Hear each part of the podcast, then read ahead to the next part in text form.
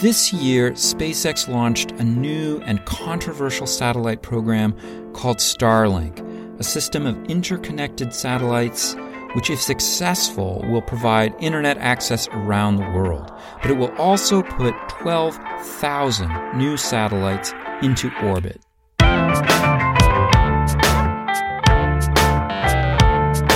It's time to eat the dogs. I'm Michael Robinson. Today, Lisa Ruth Rand talks about Starlink as well as an earlier satellite program, Project West Ford, which attempted to create an artificial ionosphere in space by launching millions of copper needles into orbit. Rand is a postdoctoral fellow at the Science History Institute in Philadelphia. Her op ed on Starlink and Project West Ford appeared in the July 8th edition of Scientific American. Lisa Ruth Rand, thank you so much for talking with me. It's a pleasure. Thank you for having me. So, one of the big things that's been in the news in the last few weeks is Elon Musk's Starlink satellite program. I was wondering if you could just explain what, what, what is this satellite program? So, Starlink uh, is in the early stages of being deployed. It's designed to be a constellation of satellites meant to provide broadband internet from satellites rather than hardwired broadband like you or I might be used to using. And ultimately, it has this kind of noble purpose of providing a, a global network of broadband access to internet access to places initially in North America, but eventually around the world where access hasn't been necessarily as easy to get by virtue of just limitations of landscape, of of distance, of isolation. Having a satellite crossing overhead or a series of satellites crossing overhead would presumably, in theory at least, provide more options for access to broadband internet than a hardwire connection. And, you know, this isn't the only time this has been proposed. There are a few different companies that are attempting to build a kind of Internet of Things infrastructure to move internet access to outer space. And Elon Musk is just kind of one of the most high profile uh, efforts to create space based, high access broadband internet using satellites. And I feel like I should explain what I mean by a constellation of satellites because yeah. we think of constellations, we think of stars. I think it's kind of relevant here. A constellation of satellites is a group of satellites that work together. Uh, so you're not just accessing one satellite when you're trying to connect to them. So I think a better better example would be GPS is a constellation of satellites. Um, when you are attempting to connect to GPS, you can connect to one, but then when that satellite moves out of your range, you connect to another one. So it's coverage based on multiple redundant systems. And Starlink is the same in that it's not at a high geostationary orbit. Geostationary is where you've got, if you were to be looking up at the sky, there you would be able to see, well, if there were a satellite up there, it would basically stay fixed relative to your position on the Earth. Is yes, that... geostationary satellites orbit the Earth at the same speed that the Earth turns. So a satellite in geo will stay appear to stay fixed above a certain point on the ground, which is why it's an incredibly valuable orbit uh, particularly for communication satellites. But SpaceX's system, for a couple of different reasons, is relying instead on a lower altitude constellation rather than a single point in geo. What are those reasons? Why would you want your satellites whipping overhead? Wouldn't it be easier to launch them all out into geostationary orbit? Well, there are a couple of reasons that it would make sense to do it at a lower orbit. One being cost, right? Getting up to geo is a pretty expensive process, although one of the reasons that at least they're saying that they are doing a lower altitude system of satellites is because they are working to keep space clean is what the way that they put it on the uh-huh. website right that this is part of an, uh, an effort to mitigate orbital debris that is create less of it and they're saying that this is this is high above all you know, current standards that they are they're they're really doing doing the right thing by making sure that their satellites can be easily deorbited at the end of their useful lifetime. And this is, of course, really tricky because sometimes things break, and you can say that you have fail safes, but that doesn't always work. You know, when something is just malfunctioning, and when something malfunctions in space, it's not the same as your car breaking down on the side of the road. It's impossible to get up there and actually fix the problem at this, at least at this at this point. Uh, there's no way that anyone can fix a broken satellite. So that's the reason that they're stating that they're at a lower altitude. But one of the reasons that I'm imagining is, is, is a problem is that you know geo since the 1970s has been defined as a limited natural resource Interesting. by the International Telecommunications Union, which is tasked by the United Nations for orbital allocation. So it is limited. Only a precious 360 degrees of geo exist to be filled. And again, unless things are properly managed and things don't break, anything that's up there will stay up there indefinitely because it's such a high orbit. And all satellites are decaying in their orbits or, or uh, spiraling in towards the planet, but depending on how high up it is, that can take a vastly long period of time. Okay, that totally explains something, which is that there's a link in your Scientific American article, which I will put a, a link to in the blog post for this uh, podcast episode. But in it, it's an amazing interactive map of stuff in orbit, and there's a ring that's mm-hmm. uh, lying in one plane I was looking at this and I thought, oh, that must be one satellite. And I was hovering my mouse over it and uh, the pointer, and it kept identifying different communication mm-hmm. satellites. And I couldn't figure out what this one ring was, but you've just explained it to me. That is the one geostationary yep. orbit, and it's only in one plane. Yes, it is that three, 35,750 kilometer altitude above the equator. And it is a unique orbit. And um, I think this is outside of the purview of what we're talking about today, but I actually am currently writing a chapter and recently wrote an essay that won a, a fancy policy prize about that orbit. Congratulations! Thank you.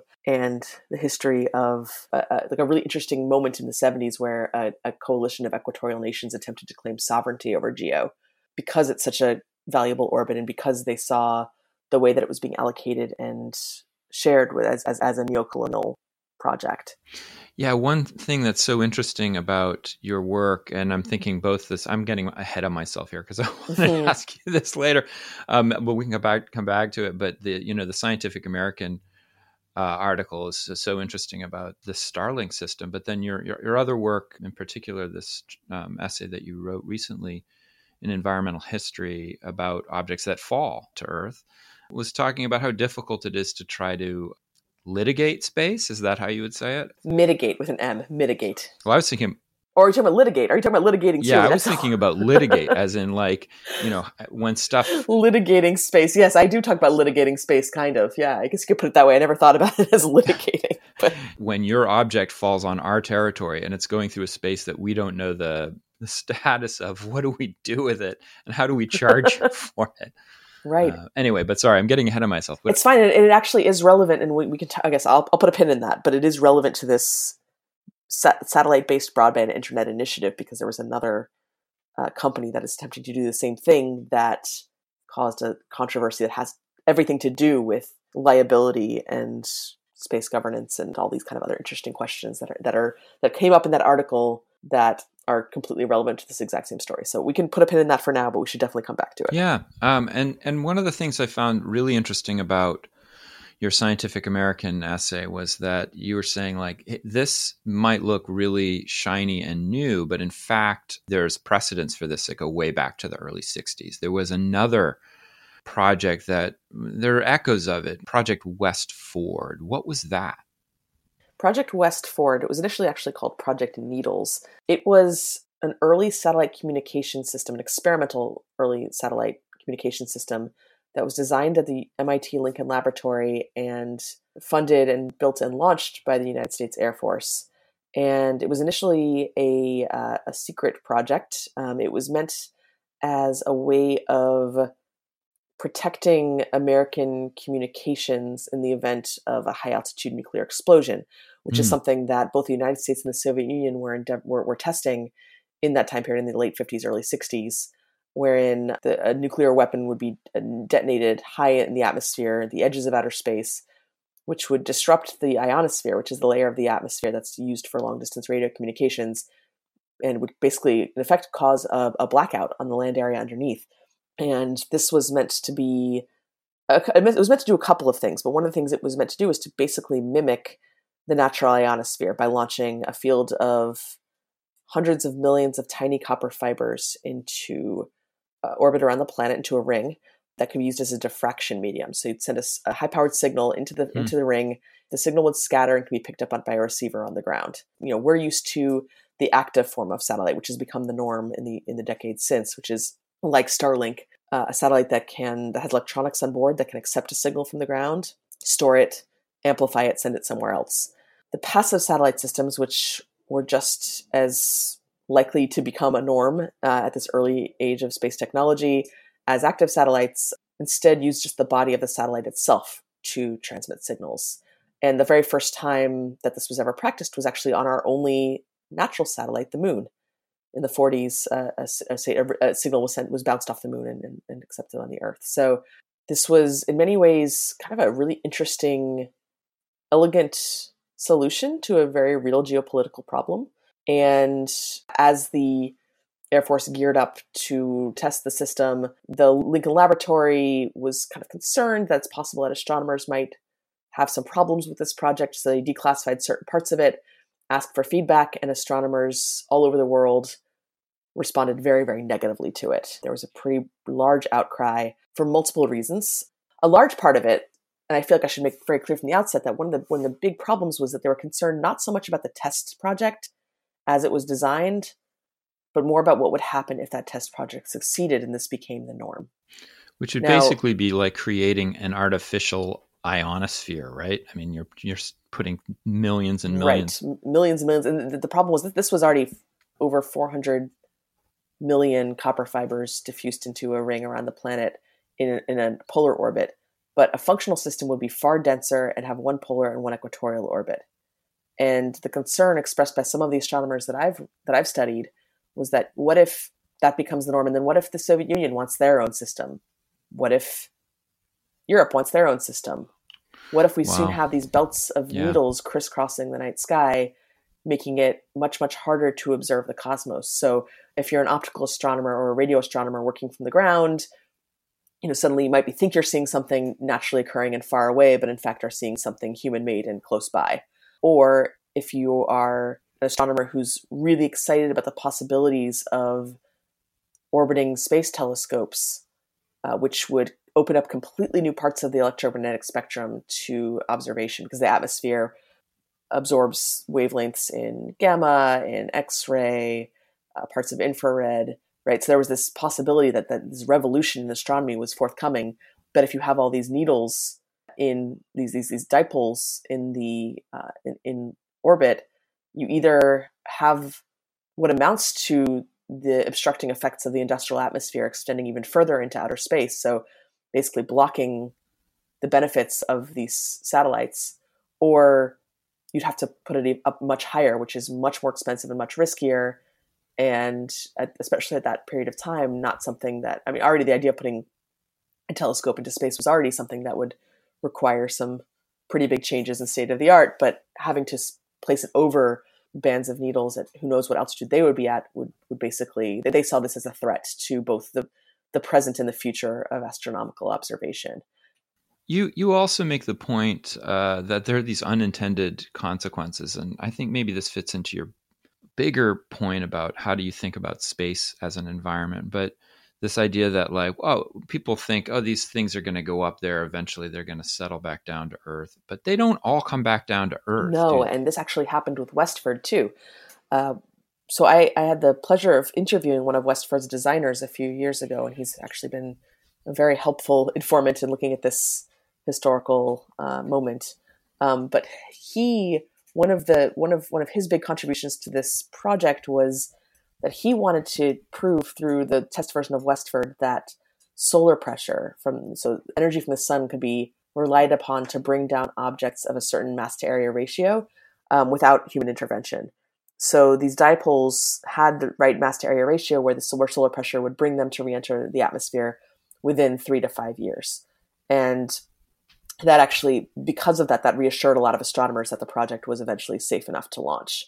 Not all of them agreed to it, but that the fact that this was something that could be limited in time, so that if there were any negative outcomes for astronomy, that at least they would be temporary. By solar pressure, you mean uh, this kind of solar wind that pushes things? The sun's energy could be relied upon to bring down the dipoles within a certain number of years, thus providing a failsafe for um, any potential negative outcomes of West Ford on on astronomy. But that said, um, even though most of the dipoles did come down that time within that time frame, some of them clumped together, which wrecked their mass to area ratio, which meant that solar pressure did not bring them down as planned, and some of them remain in that 3,500 kilometer orbit as we speak. If you go to that stuff in space, yeah, space they're on link, the stuff can, in space map. Yeah, hmm you can search for them, and I do it all the time because I'm a nerd. Um, I like to keep an eye on where my where my where my objects are, so you can go look, and they're they're occasionally identifying new West Ford artifacts all the time. So that's the problem, right? Where you know that SpaceX is talking about orbital debris mitigation and responsible disposal of Starlink satellites when they're done using them, but that doesn't account for when things just go awry, like they did with West Ford. Yeah, and I found it really interesting reading that article, your Scientific American article, up against your um, environmental history article that I referenced at the beginning, uh, which is called Falling Cosmos. And I'll make sure there's a link um, on the podcast webpage. But in that, you, you talk about a number of things that come down from space, but in particular, you focus on this, the Soviet satellite uh, Cosmos 954. Can you tell the story of that satellite and why it became so important? Sure. So, Cosmos 954 was a Soviet surveillance satellite that was launched in 1977 and rather quickly uh, the ground operators lost control of it. It clearly had malfunctioned, it was behaving erratically, and this was also happening during a moment of high solar activity, during a solar maximum where the sun is sending out lots of energy into space and hitting the Earth's atmosphere and causing it to expand, which drags in objects at higher and higher altitudes. Um, so that same solar pressure that West Ford, that West Ford's designers were relying upon to do the work of cleaning up for us, was also being kind of an antagonist, in the words of a CIA operative who wrote about it later, by pushing back malfunctioning and no longer working massive artifacts back into space without our without our consent or desire. But what was interesting about Cosmos 954, because things re-enter all the time, what was interesting about Cosmos 954 is that it was powered by a nuclear reactor. So the satellite began to behave erratically, was clearly going to re-enter the United States was it's tracking. pretty big too, right? It was very large, yes. So during this time period, one of the big differences between the days of West Ford and the days of Cosmos 954 is that by the late 1970s, satellites are much larger, much more massive, and uh, sometimes often have nuclear materials on board. So, you know, a little di- dipole re-entering or a tiny Sputnik or a piece of a rocket re-entering can be scary in itself and has has dangers associated with it. But by this period of solar maximum, by this arc in the sun's, uh, or this peak in the sun's solar activity, you have newly massive, newly radioactive things falling from the sky. And the United States, which was tracking Cosmos 954, uh, the US intelligence didn't really have a clear picture of what the design of the satellite would be, but they had a sense that it had a nuclear reactor on board and the Soviet Union, which was notoriously reticent to divulge any information about its space program, started eventually over time giving out more information. But one of the things that the West learned about Cosmos 954 later in the process was that the satellite had a failsafe on board that was meant to eject its nuclear core into a higher orbit if there was a malfunction. Mm. But that malfunctioned. so its failsafe failed, and it was going to re enter the atmosphere with the nuclear reactor on board. And at least U.S. officials were really concerned that, what, what might happen. What if the nuclear reactor would detonate upon reentry like a nuclear weapon? Um, there was no sense of no no real clear precedent for how to deal with this. You know, the Soviet Union, the Kremlin assured everyone that this was not going to happen, uh, that it wouldn't detonate, and it, it, in fact, it didn't. Uh, the nuclear reactor did not explode upon reentry, um, which was when reentry is when an, an, object built designed for use in outer space uh, falls back to Earth through the atmosphere. And it's subjected to high amounts of pressure and friction. And typically, objects that go through reentry, through reentry fall apart, break into pieces. Oftentimes, if it's not very massive, those pieces will dissipate in the atmosphere. But for a really massive satellite like Cosmos 954, like the American Skylab space station, which fell back to Earth a year later, pieces, large pieces, sometimes will, will survive the fall and usually fall into the ocean that covers three quarters of the Earth's surface. But in the case of Cosmos 954, it fell onto solid land in the Northwest Territories of Canada in a region that's commonly known as the Barrens. right? This very, very cold, frozen place, and was represented in Western presses and all around the world as a place where flora and fauna must be tough to survive and where luckily was not a population center and there was nobody living there, which was false. Um, as in many cases in history, um, indigenous communities that lived nearby, that lived in the crash site, were erased from that uh, from that his, from that story. Wow, exploration comes full circle. Mm-hmm. Yep. so one of the things that I talk about in that article is how uh, Dene and Inuit communities that lived in the crash area were drawn into space age discourse not through getting the benefits of using satellites and getting satellite information, but rather through a dangerous encounter with the decaying byproducts of the satellite industry. So yeah, that was a really interesting point you were making about how everyone thinks about this as uh, space as such a globalizing process, and you're you're talking about it like, well, yeah, but but it's through waste. It's not through right through communication. Yeah, it's it's and and, and West Ford was a similar kind of a situation, right, where um, there was this international discussion and debate among astronomers around the world, and then ultimately it went to the UN right? There's the broader discussion about how to manage waste, not just about how to manage active satellites in the way, or rather, how to manage our satellites and manage who gets to benefit from the information, but rather who gets to set the standards for um, how that space is used, in particular, and how it's used safely in a way to make sure that the kind of grand vision of the 1967 Outer Space Treaty that space is the domain of all humankind, regardless of access, regardless of resources, how that can actually be maintained. And it's a very, very tricky question, one that's really central to every part of my research is how waste both has kind of a practical material way of drawing communities and states into the space age, but also how these kind of legal discursive episodes also render the space age global through real or imagined or, or anticipated encounters with with debris, with the waste, the detritus of, of yeah. the space age. One of the things that's clear from your work, both on Project West Ford and on Cosmos 954, the reentry of Cosmos 954, is these kind of unintended consequences. People think they know what they're doing, and then these other things roll out of it. And and I was wondering, you know, I know you're a historian, and your your job is not to prognosticate about the future, but coming back to Starlink, do you see any potential unintended consequences or things that are that might be coming down the road that we're not even thinking about relative to this massive constellation of low earth orbit satellites?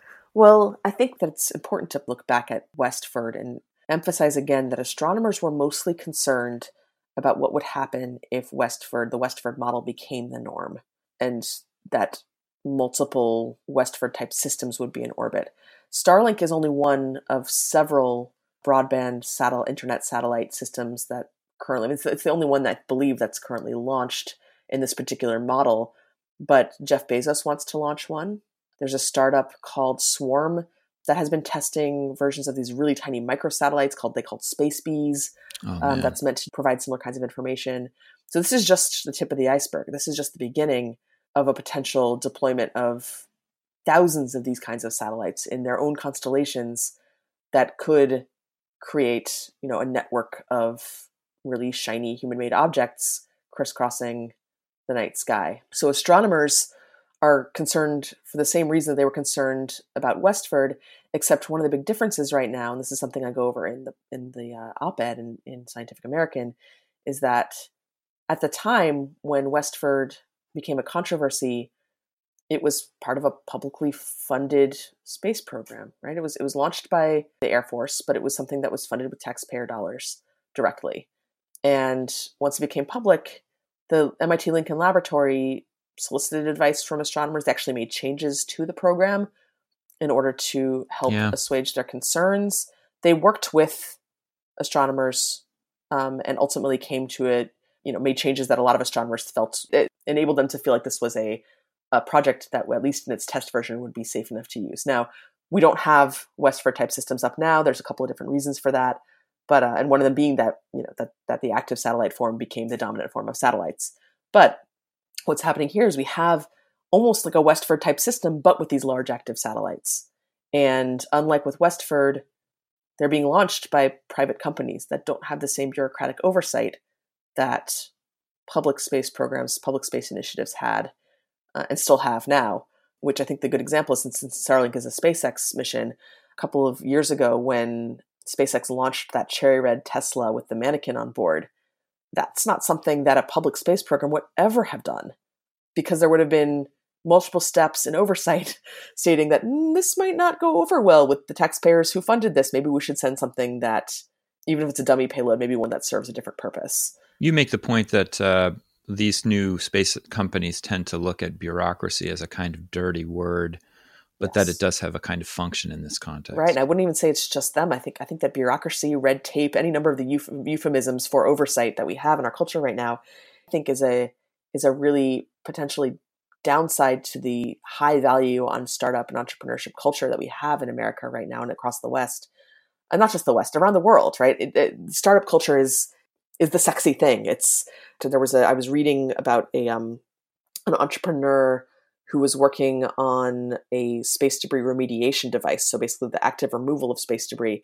and in his this interview he talked about how well you know state space programs have all this red tape and bureaucracy so they're taking forever to address the problem we don't have that so we can just go up and do it quickly because we're a startup and startups move quickly and faster and better.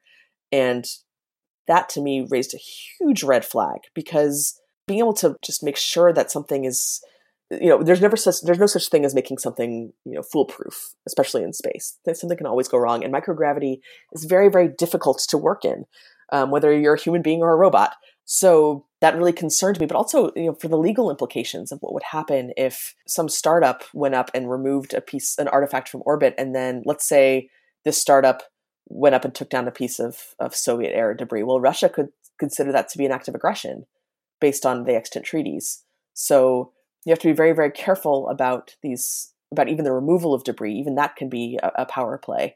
And we really do not want to start a space war in spite of what the current administration seems to think about the space force etc a space war is a, is a very very bad idea and uh, one of the reasons why eisenhower set up nasa to be a civilian agency to begin with but one of the concerns that i have about these systems like starlink like uh, swarm like the space bees like whatever jeff bezos's potential system could be is that Starlink has already exponentially raised the total number of artificial objects in orbit in, in each pop. Each time they launch something, he'll send 60, several, several dozen satellites up at a time. And eventually there he wants he expects there to be thousands of them. And each of these different programs is going to be sending up thousands of satellites. And that could really change both the way that both specialists and non-specialists encounter the night sky, um, but also it would increase the potential for collisions, the potential for more reentries, Starlink satellites have um, devices on board to enable them to have controlled reentries. So not like Cosmos 54, which was uncontrolled, but rather they have retro rockets on board that would enable um, their operators to drop them into the atmosphere with care and over the ocean so that no land areas could be compromised. But what's kind of interesting about this is a couple of weeks ago, they uh, one of the Starlink satellites had a near miss with, or had or almost had an encounter with an acting with an active European satellite. And it was over the Labor Day weekend, and there was a miscommunication. Apparently, SpaceX didn't pick up the phone, didn't answer their email. So huh. there was an almost collision. ESA uh, picked up the slack and they did the avoidance maneuver. But this brings up a whole other set of questions about, you know, we're launching all these new satellites and exponentially raising the number of objects in orbit. And yet, perhaps our system for making sure to ensuring that things stay orderly is not up to the task. And again, SpaceX does not they are very clear. If you again if you look at the starlink website that's one of the things that they're touting is that the satellites have automated debris avoidance maneuverability on board and that they've avoided multiple different potential collisions. And this this is a great thing. But then again what what if something fails and you have yeah. two objects collide with each other? The problem with that, of course, is that when you have one object moving at several kilometers per second through space, becoming several thousand objects moving at several kilometers per hour through space, suddenly you have a bunch of little projectiles that could cause damage to other active satellites, which is has always been one of the big concerns about orbital debris.